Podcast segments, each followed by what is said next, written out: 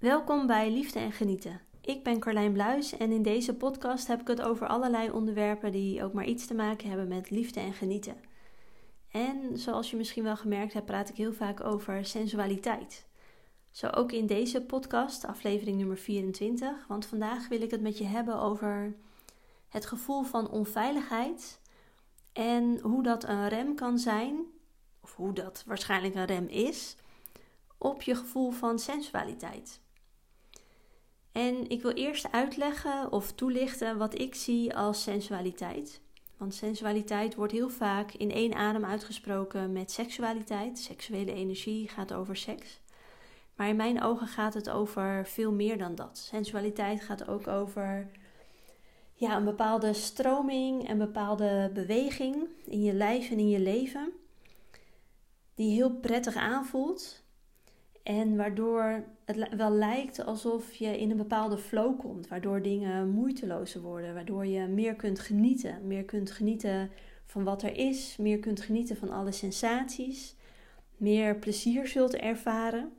Of dat nou leuke dingen doen is. Of dat dat werkelijk fysieke plezier is. Dus de, zoals de Engelsen mooi zeggen, de pleasure die je kunt voelen. Maar ik vind ook dat sensualiteit heel erg verbonden is met de vrouwelijke krachten. Mm, zoals intuïtie, innerlijk weten. Maar ook een bepaalde ja, vrouwelijke wijsheid. En een soort van jouw waarheid. Dus wat klopt er voor mij? Wat vind ik belangrijk? Wat vind ik minder belangrijk? Wat zijn mijn grenzen? Wat zijn mijn verlangens? Dat soort dingen. Dat zit voor mij allemaal in sensualiteit. Net zoals levenslust, levenskracht, levensenergie en het werkelijk durven leven, helemaal voor het leven gaan. Die energieën zitten voor mij allemaal in sensualiteit. En ik denk dat een van de dompers of een van de remmen is die je op je sensualiteit kunt hebben, dat dat het gevoel van onveiligheid is. En waarschijnlijk als ik dit zo zeg, als ik in één zin onveiligheid en sensualiteit benoem, dan kan het bijna niet anders dat je terug moet denken aan bepaalde situaties die in jouw leven gebeurd zijn. Misschien was het niet in jouw leven, maar heb je verhalen gehoord van mensen in je omgeving, van vriendinnen of misschien wel van je moeder of van je oma, waarin er vooral op het gebied van seksualiteit en uiterlijk uh, vervelende dingen gebeurd zijn. En dat kan zijn een ongewenste opmerkingen, ongewenste blikken, ongewenste aanrakingen, tot in veel extremere dingen zoals als misbruik. En het, is heel erg logisch dat dat een van de eerste dingen is waar je aan moet denken. Want ja, dat als je zoiets mee hebt gemaakt, en ik denk dat dat voor heel, vrouwen, heel veel vrouwen geldt, dat ze wel iets hebben meegemaakt, dan is het niet meer dan logisch dat dat een bepaalde stempel drukt. Dat je dat op een bepaalde manier met je meeneemt en dat het ervoor zorgt dat je je aanpast. Dat je misschien wel anders gaat kleden, dat je misschien minder uitbundiger gaat doen of dat je ja, bepaalde dingen gaat vermijden. Het zal in ieder geval effect op je hebben, wat niet meer dan logisch is. En wat ik hier nog bij wil benoemen is dat ik dus denk, of eh, hoor ook van de vrouwen die ik spreek, is dat iedereen wel iets heeft meegemaakt in, in haar leven. Maar dat er ook nog dingen zijn die je meekrijgt op het gebied van onveiligheid en sensualiteit en seksualiteit, die niet uit dit leven komen, maar bijvoorbeeld uit een vorig leven komen. En dat zijn de wat meer onzichtbare dingen waarvan je je misschien niet altijd uh, bewust bent. Maar misschien is er in een vorig leven wel iets gebeurd op het gebied van seksualiteit of sensualiteit. Wat je ook nu nog mee, met je meedraagt. Waardoor je eigenlijk niet zo goed de vinger op kunt leggen van hé, hey, waarom voel ik me eigenlijk zo onveilig bij mannen? Of waarom voel ik me nou eigenlijk zo onveilig als ik um, aantrek wat ik wil? Of waarom voel ik me eigenlijk zo onveilig in mijn lijf uh, met hoe ik eruit zie? Als je bijvoorbeeld ja, heel prachtige rondingen hebt, of als je, nou ja, er kunnen heel veel voorbeelden zijn. Maar soms weet je niet zo goed, kan je niet zo goed je, je vinger erop leggen. En in mijn ogen komt dat dus omdat er ook dingen gebeurd kunnen zijn in bijvoorbeeld vorige levens, die je niet bewust weet, eh, maar die je wel bij je draagt en die dus ook voor een vorm van onveiligheid kunnen zorgen. Hetzelfde geldt trouwens Uh, dingen die je vanuit, vooral vanuit je moederlijn uh, meekrijgt. Dat je die ook bij je kunt dragen. Dat die meegegeven worden. En dat jouw moeder zich op een bepaalde manier gedroeg of gedraagt nog steeds. Die bijvoorbeeld ervoor zorgen dat zij zich een beetje remt in wie ze is.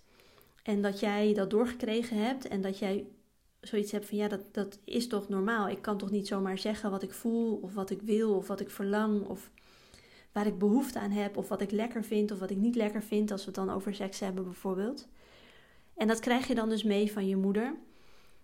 Uh, maar de kans is groot dat zij dat weer mee heeft gekregen van haar moeder en zo gaat dat helemaal terug. Maar dat kunnen dus ook dingen zijn die, waar je niet helemaal bewust van bent, waar je niet echt helemaal lekker je vinger op kunt leggen, maar die dus ja, specifieke gebeurtenissen die voor dat gedrag hebben gezorgd, maar dus niet in dit leven wat je nu leeft, maar die je wel met je meedraagt. Maar ook dat denk ik dat dat nog de, ja, hoe zeg je dat, de overduidelijke, de wat meer zichtbare dingen zijn, die we ook allemaal heel goed snappen en ja, heel erg logisch vinden. Maar ik denk dat er ook nog een aspect is aan onveiligheid die misschien wat minder zichtbaar is en waar je misschien zo in de eerste instantie niet aan gedacht hebt, maar die zeker kunnen zorgen voor een gevoel van onveiligheid en dus zeker ook ervoor kunnen zorgen dat je ja, een bepaalde rem hebt op je sensualiteit.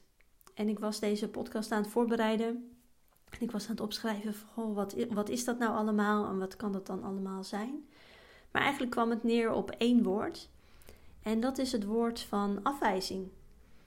Afwijzing, of eigenlijk de angst om afgewezen te worden, kan heel erg voor een gevoel van onveiligheid zorgen. Of sterker nog, ik denk dat de angst voor afwijzing voor een gevoel van veiligheid, onveiligheid zal zorgen. Afwijzing kan in heel veel verschillende manieren komen. Het kan ook van heel veel verschillende mensen komen, maar je krijgt altijd een bepaald gevoel, of dat bewust is of onbewust, dat je of niet goed genoeg bent, dat je te veel bent, dat je te stil bent, dat je je niet op een, een juiste manier gedraagt, dat je niet aan bepaalde verwachtingen voldoet, dat je dingen zegt die, nou, dat kan je toch echt niet zeggen. Er kunnen heel veel momenten zijn heel veel, ja, heel veel momenten eigenlijk waarin mensen jou af kunnen wijzen. En ik denk dat het ook heel regelmatig gebeurt en dat ook jij in jouw leven heel veel opmerkingen hebt gehad over wie jij bent, over wat jij doet, wat je zegt, hoe je eruit ziet, de energie die je bij je draagt, die, uh, dat, wat, wat een afwijzing was. En dat kan, nou ja, bijvoorbeeld een vader zijn die zegt van, uh, nou, met die outfit mag je echt niet de straat op. Of um, kan je niet, ben je niet een beetje overdressed voor deze gelegenheid? Of um, kan je niet wat rustiger doen? Of, nou ja, er kunnen honderden voorbeelden zijn.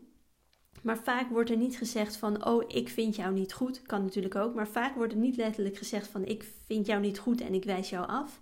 Maar vaak gaat het dus wat subtieler. Maar ook die subtiele opmerkingen of handelingen, blikken, kunnen ervoor zorgen dat jij jou afgewezen voelt. En dat is best wel een lastig dingetje. Want ehm, ja, die afwijzing die zorgen dus voor dat gevoel van onveiligheid. Naar mijn mening komt dat dus uh, komt dat vanuit ja, de oertijd of nou ja, in ieder geval van een tijdje terug dat we nog heel erg afhankelijk waren van de stam of de groep waarin we leefden. En dat je het gewoon niet konden hebben om afgewezen te worden, omdat dat letterlijk levensbedreigend was. Als je uit de groep gezet zou worden, dan zou je in je eentje komen te staan. Uh, bijvoorbeeld als er een vijandelijke stam aankwam of als er een beer aankwam. Je was er ook dan verantwoordelijk voor je, hoe zeg je dat, voor je eigen voedselvoorziening en watervoorziening. Je was verantwoordelijk voor je eigen voortplanting, wat natuurlijk helemaal niet kan in, in je eentje. En daarom was niet afgewezen worden zo ontzettend belangrijk, zodat je niet buiten de groep terecht kwam en zodat je niet alleen over zou blijven.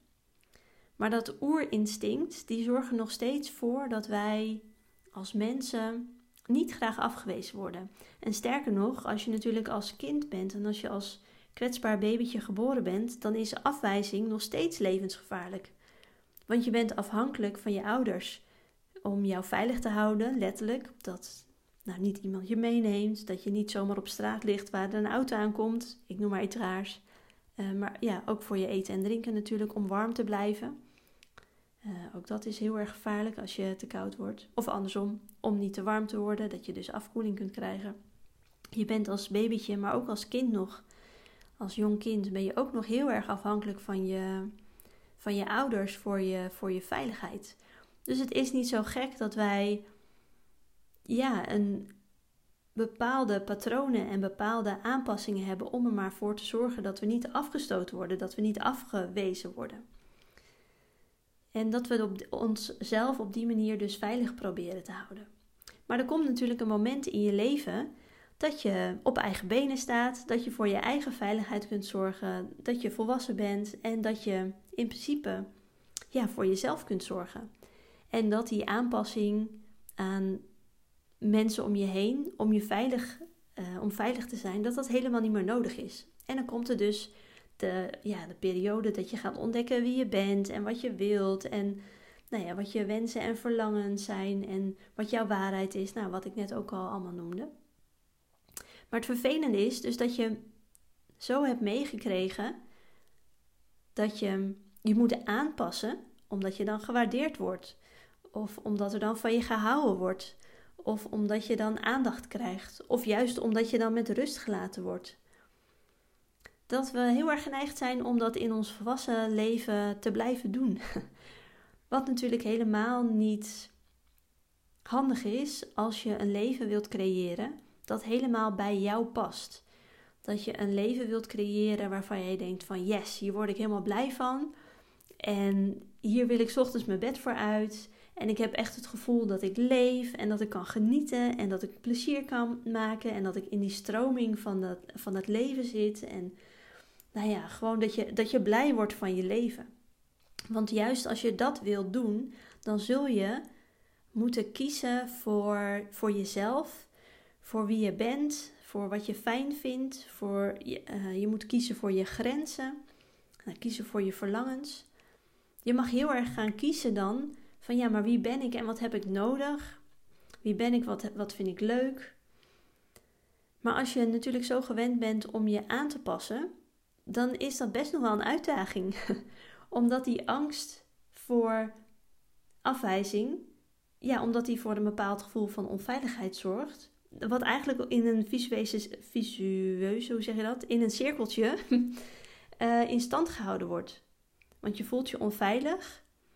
Dus je zoekt misschien wel veiligheid bij andere mensen. Maar die kunnen je mogelijk afwijzen, waardoor je een gevoel van onveiligheid krijgt, waardoor je bevestiging zoekt bij andere mensen. Nou, zo blijft dat in een cirkeltje rondgaan. En dat maakt het soms heel erg lastig om echt te gaan staan voor wie je bent, om echt te doen wat bij jou past. Nou ja, wat ik net al zei, om echt gewoon helemaal jezelf uh, te zijn. En ik denk dus ook dat het een heel erg een rem is op jouw sensualiteit, omdat in mijn ogen die sensualiteit dus ook heel erg gekoppeld is in, aan jouw innerlijke wijsheid en aan jouw waarheid en aan jouw intuïtie en aan jouw grenzen en aan jouw verlangens. En, maar ook fysiek, wat vind ik fijn? En waar ga ik van aan? Waar word ik moe van? Wanneer voel ik dat ik me in een sleur zit? Ehm, dat soort dingen. Dus daarom is het zeker een uh, aandachtspunt, zeg maar, om aan dat gevoel van onveiligheid te werken. Om die onveiligheid stukje bij beetje los te laten. Ja, en dan is natuurlijk de vraag: hoe doe je dat? En ik denk dat daar niet per se een eenduidig of een heel compleet antwoord op is, wat ik nu eventjes zo kan vertellen. Maar ik denk dat het natuurlijk te maken heeft met um, de nare ervaringen die je mee hebt gemaakt. Of dat nou bij jou is in dit leven, of in een vorig leven, of in je, in je in, in je voorouderlijn van, van je moeder bijvoorbeeld. Om daar heling op te krijgen, waardoor de scherpe randjes ervan afgaan. Waardoor je dat trauma niet meer hoeft te herbeleven.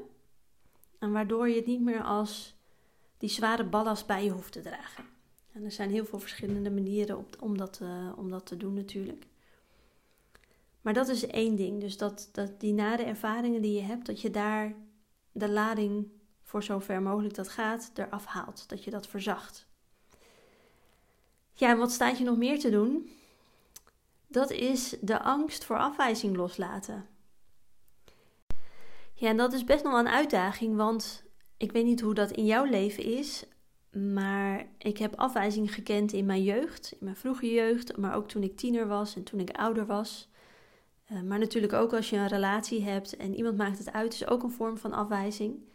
Dus ik denk dat er zowel in het, ons verleden dat er afwijzing is geweest en dat je daar ja, best wel in sommige gevallen een knauw van kunt krijgen.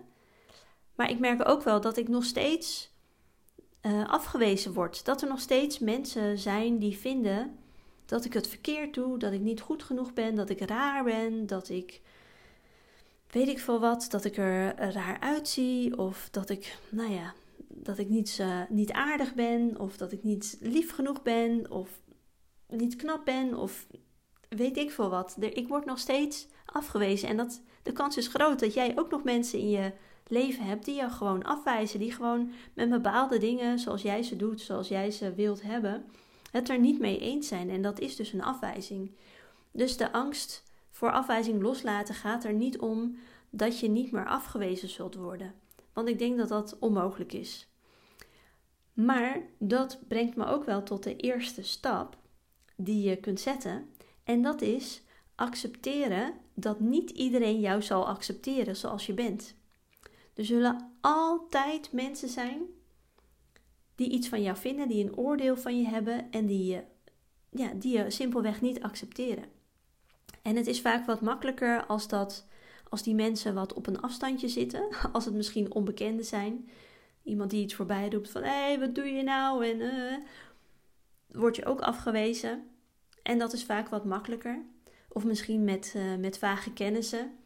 Die, die, waarvan je merkt bijvoorbeeld dat het contact een beetje doodbloedt, omdat ze het niet meer zo gezellig vinden. Ook dat is, ja, dat is vaak nog wel goed te doen.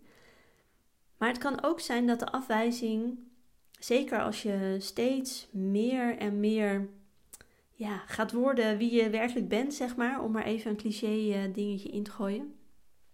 Maar als je steeds meer gaat leven naar wie je werkelijk bent en, en ja, je daar ook over gaat uitspreken en dingen daarmee gaat doen, dan zul je zien dat die afwijzing, dat die steeds dichterbij komt, dat die steeds meer vanuit mensen komt die dichter bij jou staan. En ik kan je vertellen, dat wordt steeds enger. Want het wordt steeds, dat gevoel van onveiligheid daarin wordt steeds groter. Omdat die mensen nou simpelweg ja, die zijn langer in je leven, die zijn belangrijker voor jou of je hecht meer waarde aan hun oordeel of ja, ze staan gewoon dichter bij je.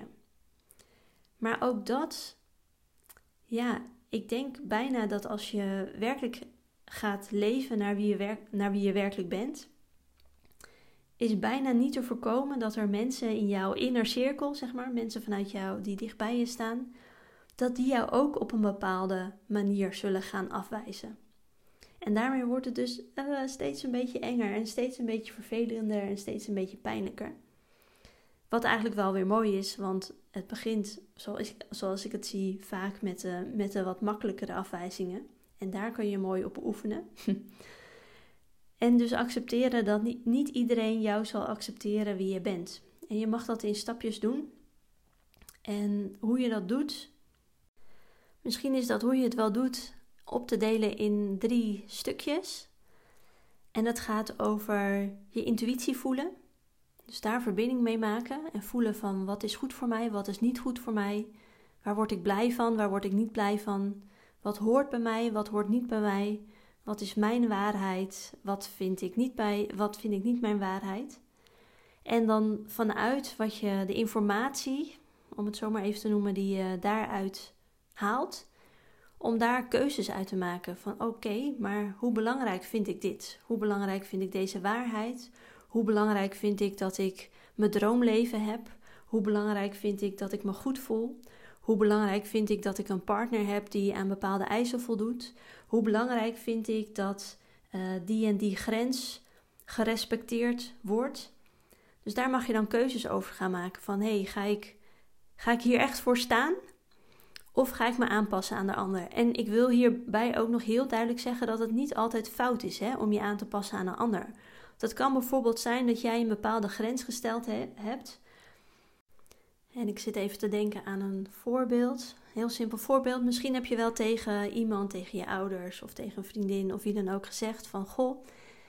Ik vind het niet fijn als je zomaar langskomt. Ik heb liever dat je van tevoren even belt of appt, want dan kan ik me voorbereiden op dat je komt.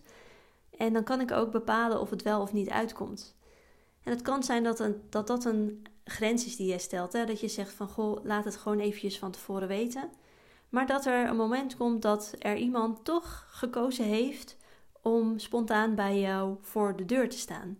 En dat diegene aanbelt en dat je denkt: wie belt er nou aan? Zal het verkoop zijn? Zal het wat dan ook zijn? En dat je de deur open doet. En ja, dit is een persoonlijke ervaring. Dat je de deur open doet en dat er toch iemand voor de deur staat met wie je afgesproken had.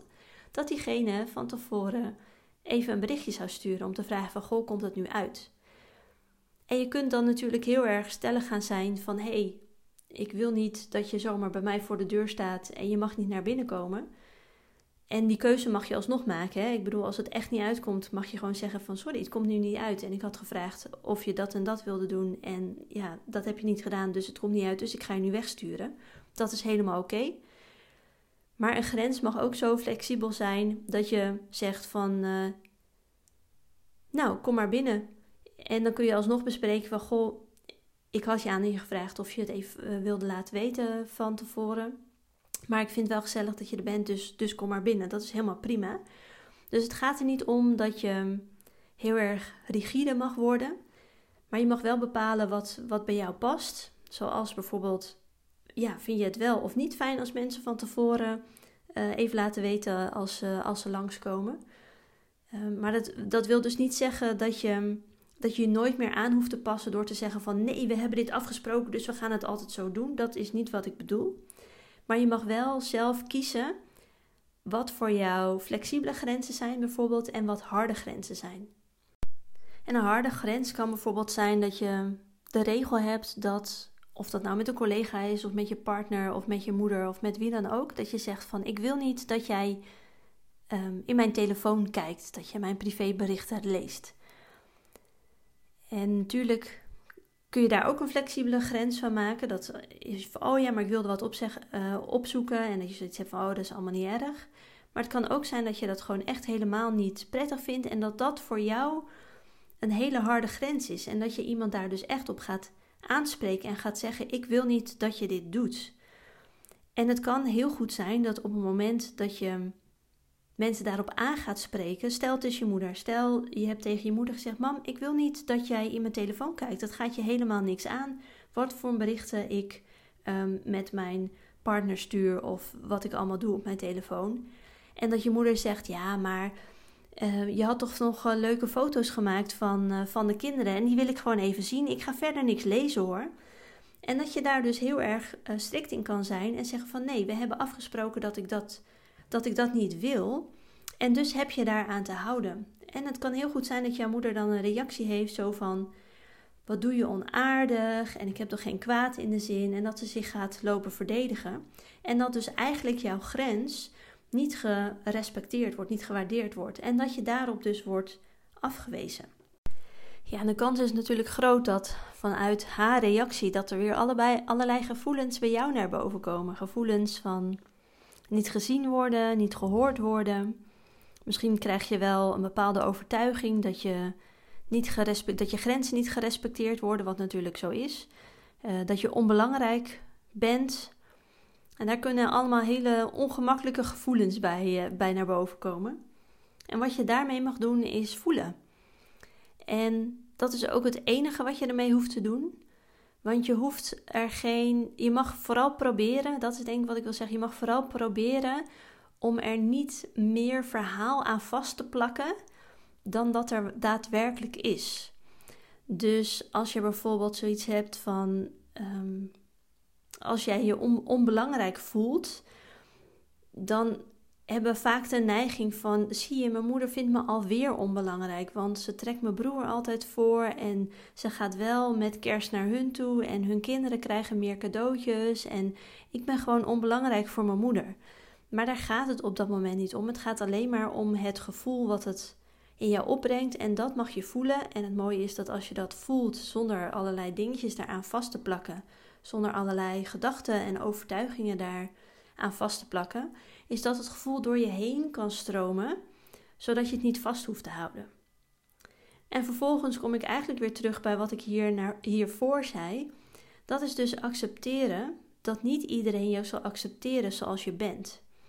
En misschien is het voorbeeld van je moeder een heel, ja, best wel een kwetsbaar dingetje. Want het kan natuurlijk twee kanten op gaan.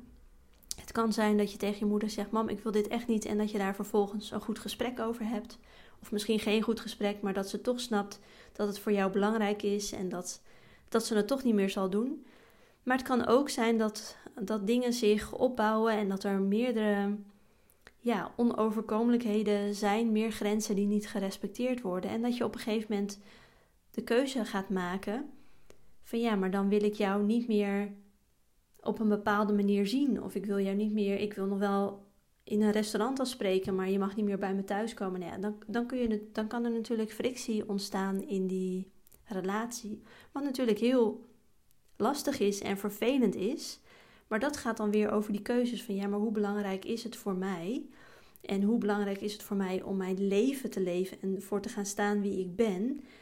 En welke grenzen mogen wel en niet daarvoor worden aangetast? En ja, dat is een heel uh, proces op zich. Uh, maar dat gaat dus in stapjes. En het gaat met ervaringen. En dat gaat met ups en downs. En dat gaat soms met tranen en soms met vreugde. Maar het gaat er dus om dat jij steeds zekerder wordt van jezelf. En dat jij je, ste ste dat jij je steeds veiliger voelt met wie je bent. En dat je vooral je veilig voelt in, in je eigen lichaam. Om dus voor die grenzen, om dus voor die keuzes, om dus voor die waarheden, om dus voor jouw intuïtie te gaan staan. En um, ja, dat zijn dingen die, um, die je op heel veel verschillende manieren ook kunt aanpakken. Het gaat om naar het kijken naar je beperkende overtuigingen. Wat geloof ik eigenlijk over mezelf? Um, het gaat ook over communicatie. Uh, want vaak zie ik ook wel dat dat je allebei wat denkt, wat de ander zal denken. Uh, maar dat, dat klopt eigenlijk nooit. en dat een goed gesprek, dat goede communicatie daarover heel erg kan helpen. Soms mag je echt um, door ervaring, en dan misschien ervaring in kleine stapjes vooral, mag je gaan leren van, oh, maar als ik dit doe, dan wordt het leuker. Als ik dit doe, dan voel ik me zekerder. Als ik dit doe, dan wordt het fijner. En dat je daar dus steeds meer vertrouwen in je eigen ervaringen opbouwt, die ervoor zorgen dat je je veilig voelt om te zijn wie je werkelijk bent. En even een heel simpel voorbeeld, dat kan betekenen dat je. Stel, ik vind rode lippenstift heel erg leuk, ik draag het niet heel vaak. En ik, het voelt ook vaak nog wel een beetje ongemakkelijk om gewoon, nou ja, bij wijze van spreken op een doordeweekse dag waarbij ik geen foto's van mezelf maak, niet op Instagram zichtbaar ben, niet naar buiten ga, om dan mijn rode lippenstift op te doen. En het kan zijn dat je wel de behoefte hebt om dat te doen, maar dat dat gewoon nog een beetje ongemakkelijk voelt. Van goh, wat als er iemand voor de deur staat, of wat vindt mijn man ervan, of nou ja, wat dan ook. En dat je zoiets hebt van ja, maar ik vind rode lippenstift vind ik heel erg leuk. En dat je dat zelfvertrouwen gaat opbouwen in kleine stapjes. En dat het misschien nog een beetje een grote stap is om naar je werk toe uh, rode lippenstift te dragen. Maar dat het wel naar een feestje kan. Of een bepaald event. Of als je uitgaat naar theater of wat dan ook. En dat, dat is een heel simpel voorbeeld met hoe jij ervaringen kunt creëren. Die, um, ja, die veiligheid en die zekerheid kunnen vergroten. Zodat ja, ook steeds ja, grotere dingen, belangrijkere dingen, grotere stappen mogelijk zijn. Dus, even een korte samenvatting. Sensualiteit en het gevoel van onveiligheid. Ik denk dus dat die twee niet samengaan. Dat die onveiligheid een enorme rem kan zijn op je sensualiteit. Dat sensualiteit dus gaat over je levenslust, echt het leven. maar ook over wie je werkelijk bent en wat belangrijk is voor jou. Dat daar natuurlijk de, de zichtbare dingen uh, aan vast kunnen kleven die een rem zijn, zoals nou ja, wat ik al zei, de opmerkingen, uh, ongewenste aanrakingen, misbruik, dat soort dingen. Maar dat er dus ook nog een stukje onbewuste dingen bij zitten, dus die niet in dit, jou, dit leven gebeurd zijn, of misschien niet in jouw leven, maar wel in, in van je voorouders. En dat dus het stukje afwijzing of de angst voor afwijzing kan zorgen voor een gevoel van onveiligheid. En dat daarin dus je mag gaan accepteren dat niet iedereen jou zal accepteren zoals je bent. Maar dat het dus heel erg belangrijk is om daarin te groeien. Om dus dat, die angst voor de afwijzing minder te laten worden. En dat gaat dus door daar ja, ervaring in te krijgen, door steeds meer te luisteren naar je intuïtie en je gevoel en je onderbuik en je innerlijke wijsheid, hoe je het ook wil noemen. Dat je daar dus steeds meer keuzes in kunt gaan maken, dat je steeds meer grenzen kunt gaan stellen. Dat er zeker uh, reactie zal zijn op jouw keuzes uh, van mensen van buitenaf die reageren op hoe jij verandert. En dat dat helemaal oké is, want ja, dat mogen zij. Maar dat hun reactie weer bepaalde reacties en vooral bepaalde ongemakkelijke gevoelens bij jou te, teweeg kan brengen. En dat je daar dus mee mag zijn. Dat je die dus mag voelen zonder er allerlei plakkertjes en verhaaltjes en dingetjes aan te, aan te plakken. Maar dat je vervolgens nog steeds verder mag gaan met nog meer naar je intuïtie luisteren, nog meer je keuzes maken, nog meer voelen. En dat dat dus weer bijdraagt aan, aan het loslaten van de angst van afwijzing en dus het accepteren dat niet iedereen je zal accepteren zoals je bent. Dus dat, dat is wat ik heel erg met je, heel graag met je wilde delen vandaag. Ik denk dat het een belangrijk onderwerp is, ook omdat het vaak dus, wat ik al zei, een, een beetje onzichtbaar kan zijn, een beetje onzichtbare rem. En ik hoop dat deze podcast je er in ieder geval bewust van heeft gemaakt. Van, oh ja, wacht even. Uh, de gevoel van afwijzing kan zitten in, in natuurlijk de dingen die gebeurd zijn. Maar kan ook zeker in de onzichtbare dingen zitten, zoals de angst voor afwijzing. En dat je eens naar jezelf kunt kijken van, hé, hey, hoe bang ben ik daar eigenlijk voor? Persoonlijk denk ik dat niemand helemaal niet bang is voor afwijzing. Dat we allemaal wel een vleugje in ons hebben zitten en dat het bij de ene wat meer is en wat dan bij de ander. En ik ben dus ook, dat zie ik in mijn eigen leven, dat hoe meer je voor jezelf gaat staan, dat er ook steeds meer afwijzing gaat komen.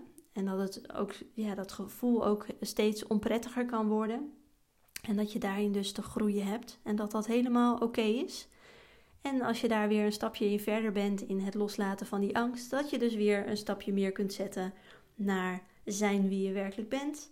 Dat je vervolgens weer als reactie krijgt dat mensen je daarop zullen afwijzen. Nou, enzovoort gaat het cirkeltje weer verder. En ehm, ja, ik ben benieuwd wat dit uh, voor jou omhoog gebracht heeft, wat je gedachten hierover zijn. En ik vind het altijd leuk om te horen. Je kunt het, uh, het makkelijkste is om me daar een uh, DM'tje over te sturen op mijn Instagram. Maar je mag me ook altijd een mailtje sturen via de website. Je mag ook altijd een reactie achterlaten op Spotify, want dat kan geloof ik tegenwoordig ook. En dan wens ik je voor nu een hele fijne dag en ik zie en spreek je in een volgende keer. Doei doei!